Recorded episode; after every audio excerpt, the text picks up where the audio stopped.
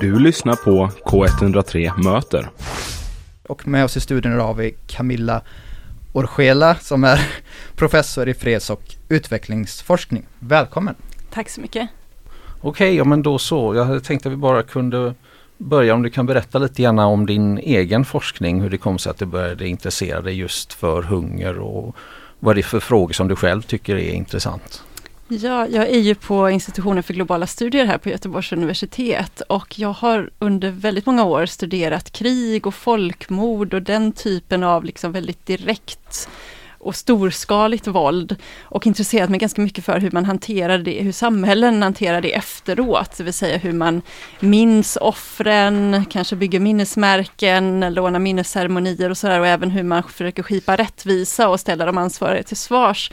Ehm, och vad jag började fundera mycket på då är hur kommer det sig att bara vissa typer av våld eh, hanteras på ett sånt här sätt. Det finns andra typer av våld som är mindre, mindre synligt, kanske mindre direkt och när man tänker på hunger då så kan man se det som en typ av strukturellt våld. Det är inte en människa som direkt skjuter någon annan eller, eller kastar en bomb på någon annan, men det är ändå oerhört många människor som far illa och som dör eller som skadas utav av hunger.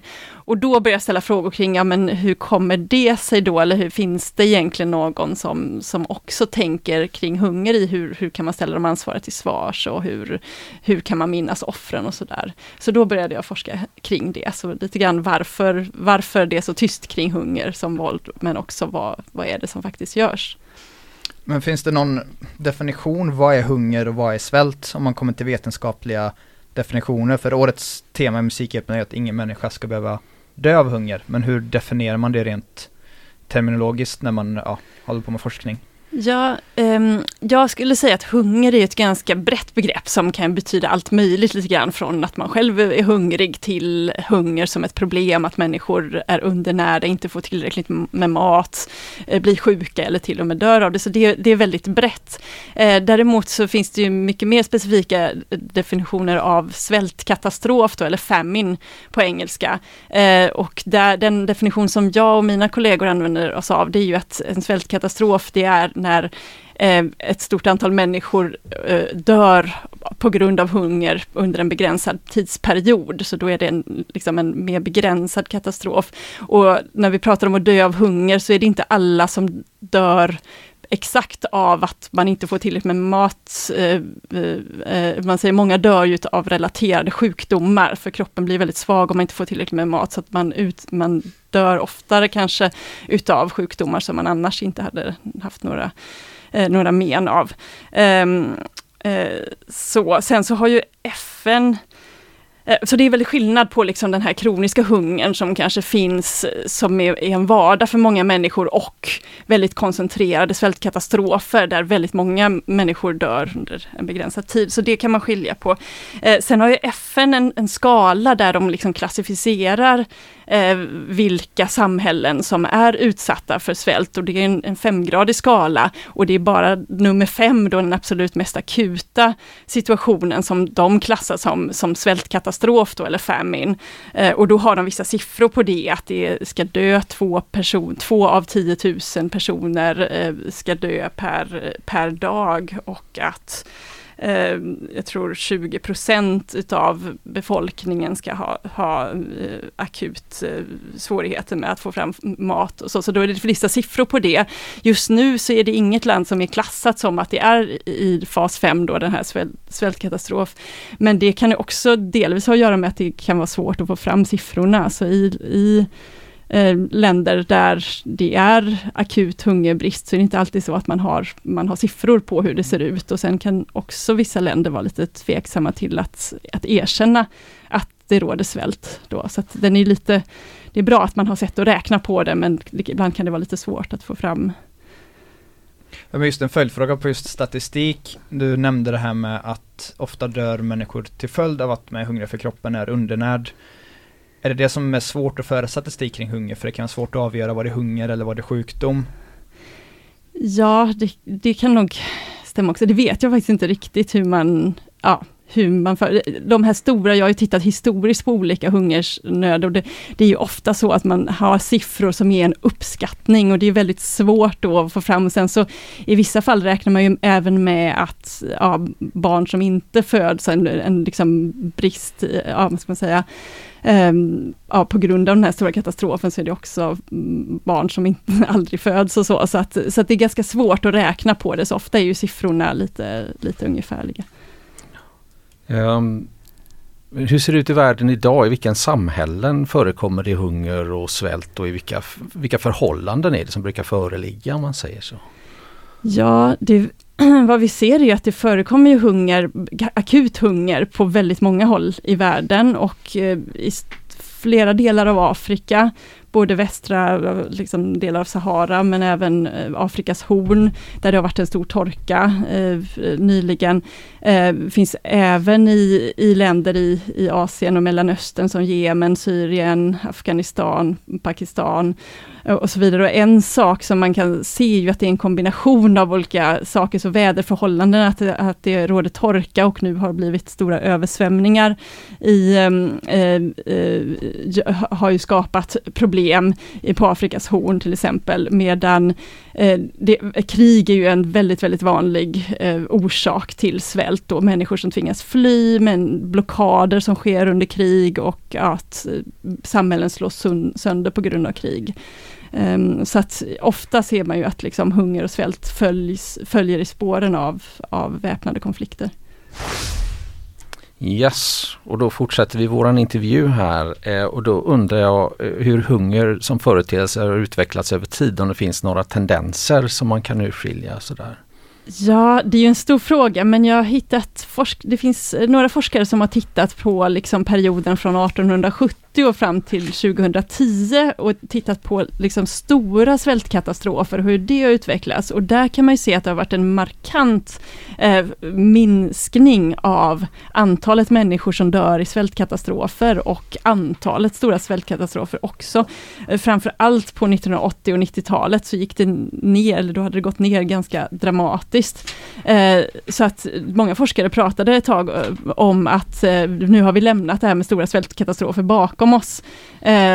Så hade stort hopp, men sen 2017 så vände detta och man såg att det återigen liksom blev ja, till exempel i, i Sydsudan och på flera andra håll blev det risk för svält och nu ser vi Eh, att det är svältliknande förhållanden i, i flera, på flera håll i världen. Eh, så det, det är när man pratar om liksom svältkatastrofer, de här akuta, liksom, när många människor dör. Sen vad gäller hunger i stort så har vi ju, vi har en befolkningstillväxt, så vi har ju många fler människor, men vi har också haft en ökning av välfärd överhuvudtaget, så att i till exempel länder som Kina och Indien, att deras eh, ja, deras välfärd har ökat generellt har ju gjort att mycket, mycket färre människor går hungriga. Och FN har ju satt som ett mål att ingen ska gå hungrig från, från år 2030. Och det såg ju länge ut som att man faktiskt var på väg väldigt mycket i rätt riktning och det är också någonting nu som tyvärr har vänt på senare, senare tid då, delvis på grund av väpnade konflikter. Ehm, då. Men Camilla, i, i din forskning, um, har ni också kollat på det här med globala uppvärmningen, hur det kommer påverka? För du pratade om det här med att det ser ut som att eh, den här trenden kommer vända, att vi ska lösa den här frågan. Har den globala uppvärmningen påverkat det här någonting och hur ser det ut framöver? Eh, kommer det här bidra till en ökad svält eller vad, vad ser man för hinder? Ja, tyvärr är det så att, att vi redan nu ser effekter av den globala uppvärmningen eh, och extremväder är väl kanske det som är det tydligaste och då pratar vi om torka, det är ju normalt i, i, vissa länder att man får torka regelbundet, men nu är det långa, långa torkperioder och mycket mer extrem torka. Och det bidrar naturligtvis, men vi, sen kan det också handla om eh, översvämningar och alldeles för mycket regn, och eller en växling mellan, mellan det här.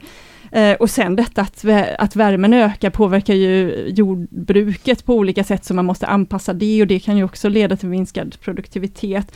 Eh, och i förlängningen är det ju så att om det, om det är vissa områden som blir så varma eller blir översvämmade eller sådär, så folk inte kan bo där, så kräver det ju också att människor flyr eller flyttar Eh, och just flyktingsituationer är ju någonting som också skapar, skapar hunger då. Och sen handlar det mycket om resurser, det kan ja, bli mer konkurrens om resurser, så att det finns ju också farhågor att, att klimatförändringarna ska leda till, till ökade väpnade konflikter. Och det har, som sagt leder ju i sig till hunger då. Så det är, och kanske också frågan att, att samhällen måste lägga mer resurser på att Ehm, på åtgärder för att hantera klimatförändringar, bygga vallar eller vad det nu kan handla om, liksom, och inte då har, har möjlighet att satsa lika mycket på, på välfärds, eh, ja, välfärdsfrågor. Så. När det kommer till, alltså när man hjälper andra länder och producera mat och det måste vara väldigt svårt att kombinera det med hållbar utveckling. Jag tänker med underutvecklade länder att hjälpa dem och ge dem resurserna för att odla mat men ändå se till så att det är hållbart. Är inte det en ganska komplex, eller är det en komplex eh, fråga att jobba med? Ja, framförallt är det ju länderna själva och samhällena själva som, som gör det största. Liksom. Det är inte, hjälp utifrån är ju inte det, det allra viktigaste, men vad som är uppe i diskussionen nu, liksom på, till exempel på klimattoppmötet, är ju liksom ersättning till de som drabbas mest. Så det, dels är ju det de här akuta Eh, ja, akuta frågorna, hur ska vi klara oss från liksom för mycket regn, eller översvämning eller torka. Eh, så, men samtidigt behöver man ju satsa på långsiktigt, hur bygger vi upp ett, ett jordbruk som är hållbart och där kan det ju som sagt finnas liksom motsättningar mellan att liksom, fattiga länder vill ha tillgång till energi, ja men då är kolkraft billigaste sättet, men då leder det till mer global uppvärmning, så det finns ju väldigt många motsättningar där. Så det, ja. ja. Okej, okay. Det talas ofta om eh, hunger och fattigdom som två aspekter av samma problem och fattigdom är en stor andel till varför det är så svårt att radera hungersnöd från världen. Kan du gå in lite på varför just hungersnöd är ett sådant komplext problem att lösa? Eh, ja, jag tänker att det, är liksom, att det handlar om stora strukturer. E-, e-, egentligen är det så här att svältkatastrofer, om man skiljer mellan de här svältkatastrofer som är något akut liksom, och hunger som är kroniskt så, så är egentligen svältkatastrofer inte så svåra, rent teoretiskt i alla fall, att göra sig av med. Eller så, för att det räcker ju, får man en stor svår torka, ett krig eller någonting, då har ju världen resurser och kunskap nog att putta in mat, nödhjälp, så att ingen ska behöva dö. Så att i princip så hade man kunnat avvärja hunger, liksom dödsfall i hunger. Eh, sen finns det massa saker som hindrar detta, att resurserna ligger på fel ställe, att det kan vara liksom krigförande parter som inte låter hjälpsändningar komma in och sådär. Men sen är det ju liksom vad gäller hunger mer generellt och fattigdom, och så, så handlar det ju om strukturer. Vi har ju ekonomiska och politiska system som, som gör att resurser blir väldigt felfördelade och, ehm, och som, eh, ja, där liksom politiska ledare inte kanske tänker långsiktigt och in, inte har eh, ja, inte har intresse, direkta intressen av att hjälpa de allra fattigaste. Så då, då ju, blir ju det väldigt, väldigt komplext. Då. Så det är två relativt olika saker, de här den akuta nöden och eh, den mer långsiktiga hungern och fattigdomen och så. Men, men det stämmer ju att det är väldigt tätt hop, eh, eh hopvävt, fattigdom och hunger. Förstås. Yes, och då fortsätter vi vår intervju här med en fråga om mat. Hunger handlar ju på något sätt egentligen om mat eller att maten inte finns där den behövs.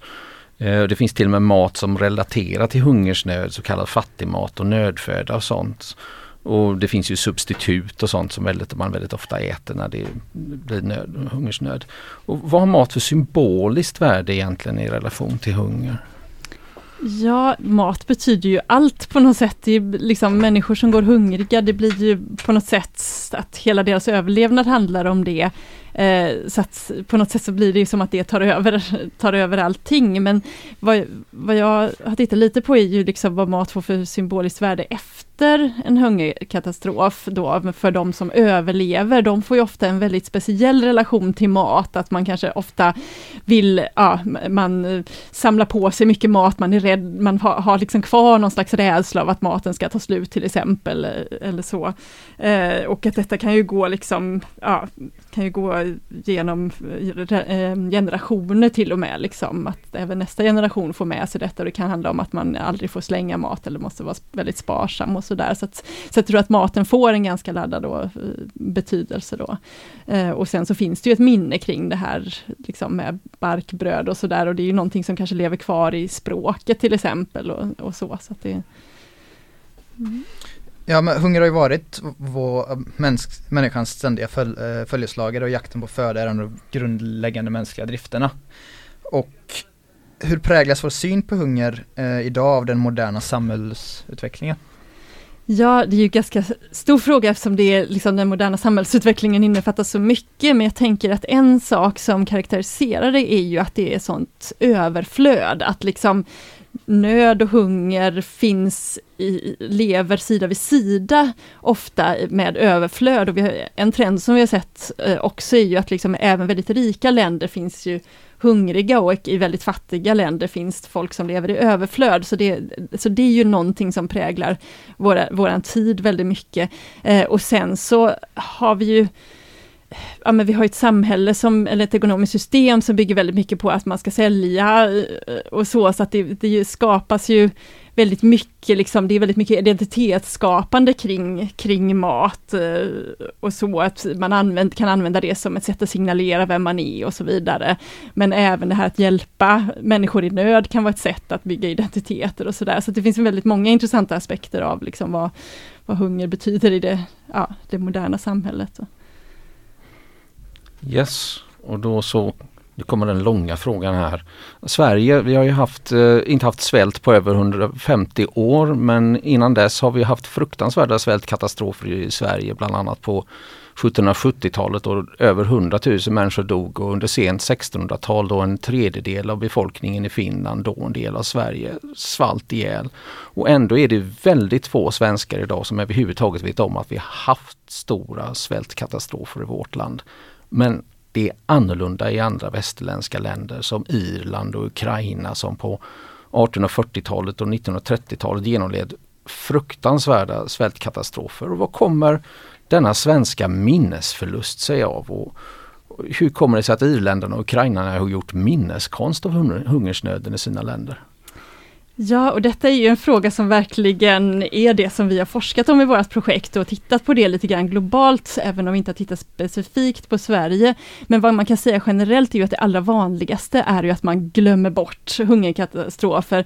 Och det har ju, dels är det ju på ett personligt plan, att människor som har överlevt och varit med om det fruktansvärda att gå igenom en, en svältkatastrof och se, ofta se nära och kära dö, dö eh, och lida och så, eh, de är ofta lite tveksamma till att prata om det, så det kan hända att man helt enkelt håller tyst och man inte berättar ens vad man har varit med om för, ja, för sina anhöriga och så, sina barn och barnbarn. Eh, och dels kan det vara en viss skam eh, kopplat till hunger och fattigdom. Ofta, vi har ju någon slags diskurs i, i världen idag som säger att eh, ja, men fattiga, fattigdom beror på den fattige själv som inte har klarat av att eh, eh, att skaffa ett jobb eller, eller ja, försörja sin familj med mat och sådär. Så jag tror det finns en viss skam kopplat till det. Och sen så handlar det ju om samhälle, vem som har makt i samhället. Så ofta kanske de som var ansvariga för hungersnöden fortfarande sitter vid makten. Det är ju fallet i Kina där Mao ju var ansvarig för ja, närmare 35 miljoner människors död mellan 1959 och 1962 då det här stora språnget gjordes där man skulle kollektivisera och industrialisera väldigt hastigt, fullkomligt katastrofala eh, konsekvenser. Och där sitter ju liksom kommunistpartiet fortfarande vid makten och inte alls intresserade av att lyfta upp detta. Så det finns många olika saker som gör att man man gärna håller tyst om detta. Sen är det ju väldigt intressant då att i just Irland med svälten på 1840-talet och Ukraina med svälten på 30-talet så har faktiskt det här minnet kommit upp, men inte med en gång.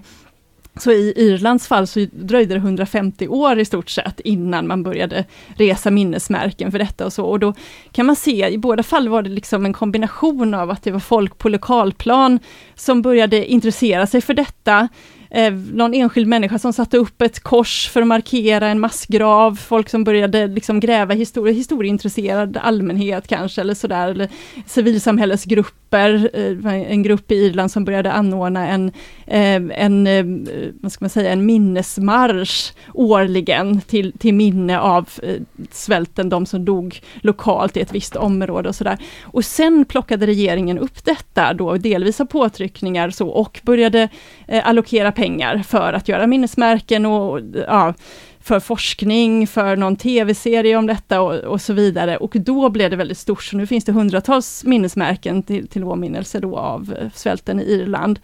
Eh, och i Ukraina var det ju så att under Sovjettiden så var, var det ju väldigt tyst om detta, för det var ju Stalin som, som stod bakom den svälten på ett lite liknande sätt av det som hände i Kina då, en totalitär ledare som ville omdana samhället för att utveckla det då genom tving, påtvingad kollektivisering. Eh, så innan 1991, eh, innan Ukraina blev självständigt, så var det väldigt tyst om det. Ukrainare utomlands i Nordamerika, de började liksom anteckna, teckna ner historien eh, från överlevande och sådär och höll minnet vid liv. Men det var först efter självständigheten som man, Ukraina började upptäcka sin tidigare historia då och börja, man var ju tvungen att börja med en ny historieskrivning och då var det ledare där som gjorde svälten till något väldigt, väldigt centralt. Så det blev en, en kulturpolitisk fråga att sätta upp minnesmonument och också, man har också drivit frågan att det här ska erkännas som ett folkmord mot eh, eller på ukrainare då. Eh, så att det har blivit en väldigt central del. Så i både Irland och Ukraina så har det blivit, använts, skulle man kunna säga, som eh, för nationsbyggande, för att bygga en identitet, så att man skapar en identitet som ja, offer för påtvingad svält på olika sätt då, och överlevare. Um, så, men under ganska specifika mm. förutsättningar då. Men kan man se det då som en skillnad om man tar Sverige som exempel, att vi aldrig haft den här känt att vi behövt bryta oss fri från någonting som exempelvis Ukraina mm. som var tystare så länge och nu är vi fria, nu får vi faktiskt ta och minnas de offer vi haft. I, i samma sak med Sveriges nationaldag, det är ingenting vi firar så, vi har inget, vi har mm. aldrig behövt bryta oss ifrån någonting utan vi har alltid varit självständiga och haft det ganska bra länge. Är det någonting att vi, det har inte blivit, ja. Nej, men jag tror det. Det ligger ju en del, det är ingen som har, har tjänat på att göra politik kring det helt enkelt. Det är liksom ingen grupp som kanske känner sig förfördelad eller som vill liksom markera att vi är offer för det här eller så. Um, så, att, så det tror jag ligger en del bakom och sen så är det väl kanske också Ja, nej men en sak, det händer många olika saker i historien och det är vissa saker som plockas upp och blir en del av, av liksom minneskulturen och andra saker glöms bort och sådär. Och en sak med svältkatastrofer är ju att de ofta är, är lite svåra att säga när var startdatum och när liksom en kung som stupade, det, då vet man vilket datum det hände eller sådär, något slag i krig och sådär, medan svältkatastrofer och hunger är lite mer diffust så, det är också svårare att hitta hjältar så. Ofta är det liksom de som överlevde, är ju kanske de som skodde sig på andras bekostnad eller som ja, stal eller ja, tiggde eller sådär, så att de är inte direkt några hjältar, så det är också lite svårare liksom att ja, skapa en, eh, också en minneskultur kring det. Mm. Men forskningen som ni bedriver idag när det gäller hunger, vad, när ni börjar, vilka är de vanligaste infallsvinklarna och utgångspunkten? Vad, vad startar ni när ni börjar, när ni forskar om hunger? Vad brukar ni kolla på först? Ja, men för vårt projekt handlar ju egentligen om, om då precis minne kring det, så att då, och nu har vi gjort, en stor del av projektet gjorde vi under pandemin, så jag började bland annat med att försöka läsa, vad vet vi överhuvudtaget om hur man minneshåller och försöker ställa ansvariga till svars för hunger globalt sett och försökt liksom titta hur, hur kan vi förstå detta och sen mm. har vi samarbetat med andra forskare också då som, eh, som har tittat specifikt på olika ställen i världen då och lärt oss från det och gjort en gemensam publikation kring det då. Men det har ju kretsat väldigt mycket kring liksom hur hur man idag eller i modern tid använder sig av historien. Så att vi har inte forskat specifikt eh, kring exakt liksom vad som hände under de här hungerkatastroferna, utan mer vad det spelar för roll idag. Då. Eh, har det, har det blivit liksom en, eh, har det blivit vanligare med forskning kring hungerfrågor, vet du det, eller eh, på det, av det här slaget? Eller? Ja, det finns ju några till. Just, just den här vinkeln som vi har är ju ganska ovanlig, men det finns ett antal forskare som, som driver frågan kring mer, mer på en, ett juridiskt plan, att man bör prata om, eh, om svältbrott, liksom starvation crime, så att man borde liksom försöka se till att, att åtala skyldiga i högre grad. Och så där finns ett intressant forskningsfält och sen så finns det ju forskare också som tittar på det här kring, kring minnes livshållande. Sen finns det ju ett ännu bredare fält kring, liksom, när man forskar mer, mer kanske ja, kring hur kan vi förbättra liksom, grödor och jordbruket för att klara detta. Så det finns ju, det är väldigt brett, liksom, det här forskning kring hunger förstås då. Mm. Yes. Ja, um, då har vi en fråga. Det finns många organisationer som vill hjälpa människor som lever i hungersnöd. Om du skulle vilja ge tips till dem, eller vad behöver vi egentligen lägga mest fokus på för att lösa hungersnöden i världen? Hur behöver de jobba? Jag, jag har kanske inga, inga synpunkter just precis, jag är inte expert på hur de här organisationerna jobbar. Jag tycker att det, det är naturligtvis oerhört viktigt att det finns organisationer som går in och jobbar med att förse människor med mat och, och så vidare när det är nöd. Men vad som behöver ändras är ju de stora strukturerna givetvis med eh, resurser som är så oerhört snett fördelade liksom och eh, eh ja, vi behöver få slut på krig och så vidare. Så att jag tror man ska få skillnad på, liksom, jag tror att de organisationer som jobbar, de gör, ja, de gör så gott de kan nu under förutsättningar så, men, men de löser inte grundproblemen. Om vi går tillbaka lite till den sista, senaste frågan, att, att det finns många organisationer som vill hjälpa människor som lever i hungersnöd. Vad, vad behöver vi enligt dig lägga mest fokus på för att försöka komma åt och lösa hungersnöden i världen? Du utvecklar lite mer på den. Ja, det finns, det är ju en stor utmaning givetvis, men en sak är ju att ta det här med hunger på allvar. Ibland så tenderar man ju att fokusera mer på typer av våld som är mer spektakulärt och synligt, liksom terrorism och krig och så får ju mycket mer utrymme ofta i medier och i politisk diskussion och så. Och det är väldigt, väldigt viktigt då att lyfta hungern Eh, även om den ofta kanske sker tystare och mer i skymundan, så är ju det ett gigantiskt problem. Så, och sen så kanske vi behöver ändra bilden lite grann också. Vi tänker ju oss att hungersoffer eh, man får ofta bilden av folk som väldigt hjälplösa och så vidare, men, men människor som lever i hunger har ju, är ju väldigt kreativa i hur man försöker eh, kämpa för att överleva och sådär, så att man behöver ju ha, liksom, ha, med, ja, ha med deras röster. Det handlar inte om att organisationer eller personer ska komma utifrån och lösa det, utan det handlar ju om, män, människor har ju en väldigt, väldigt styrka. Samtidigt så har vi strukturer som gör, som, som jobbar emot oss, eller man ska, eh, ska säga då. Så att en sak handlar ju om fördelning av resurser och att vi har liksom många som är extremt rika och sen har vi andra som är extremt fattiga. Så att här behöver vi hitta ett system för att omfördela resurser på ett helt helt annat sätt och hitta väl, välfärdsstrukturer som kan fånga upp de som riskerar att drabbas av hunger. Eh, sen skulle jag säga att stoppa alla krig är ju, eh, skulle ju kanske vara det allra, allra viktigaste åtgärden. Eh, en annan fråga, som, en annan oroande trend är ju att, liksom, att vi har ser en demokratisk tillbakagång, så vi har fler och fler auktoritära ledare. Och som vi diskuterade förut, flera av de här stora hungersnöderna som vi har sett historiskt har ju skett under totalitära system och auktoritära ledare, så att det här med att bevara demokratin blir ju ett väldigt viktigt skydd också, eh, för att då finns det någon typ av påtryckning för att, eh, att ledare eh, ja, ska, ska se till att befolkningen eh, att befolkningen överlever. Eh, och sen måste vi samtidigt då jobba mot klimatförändringar också då, så att hela det arbetet blir också ett, ett sätt att, att jobba eh, mot, mot hunger och hungersnöd. Så, så det, är, det är väldiga utmaningar, men det finns också väldigt många människor som på olika sätt jobbar, jobbar med de här frågorna då. Eh, kriget i Ukraina, hur har det, har det bidragit till hungersnöd eller mer att priserna ökat eller har det påverkat Europas eh, hungersproblem?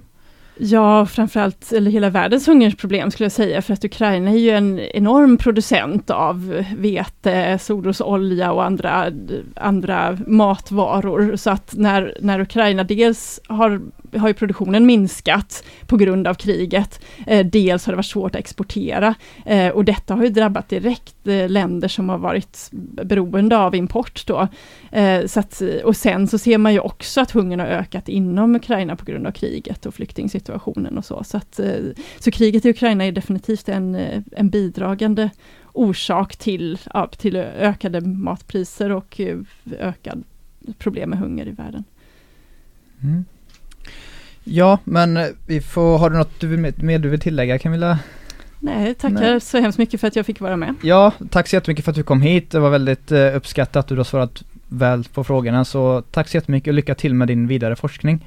Eh, detta var som sagt eh, Camilla Orchela, professor i freds och utvecklingsforskning. Tack så jättemycket.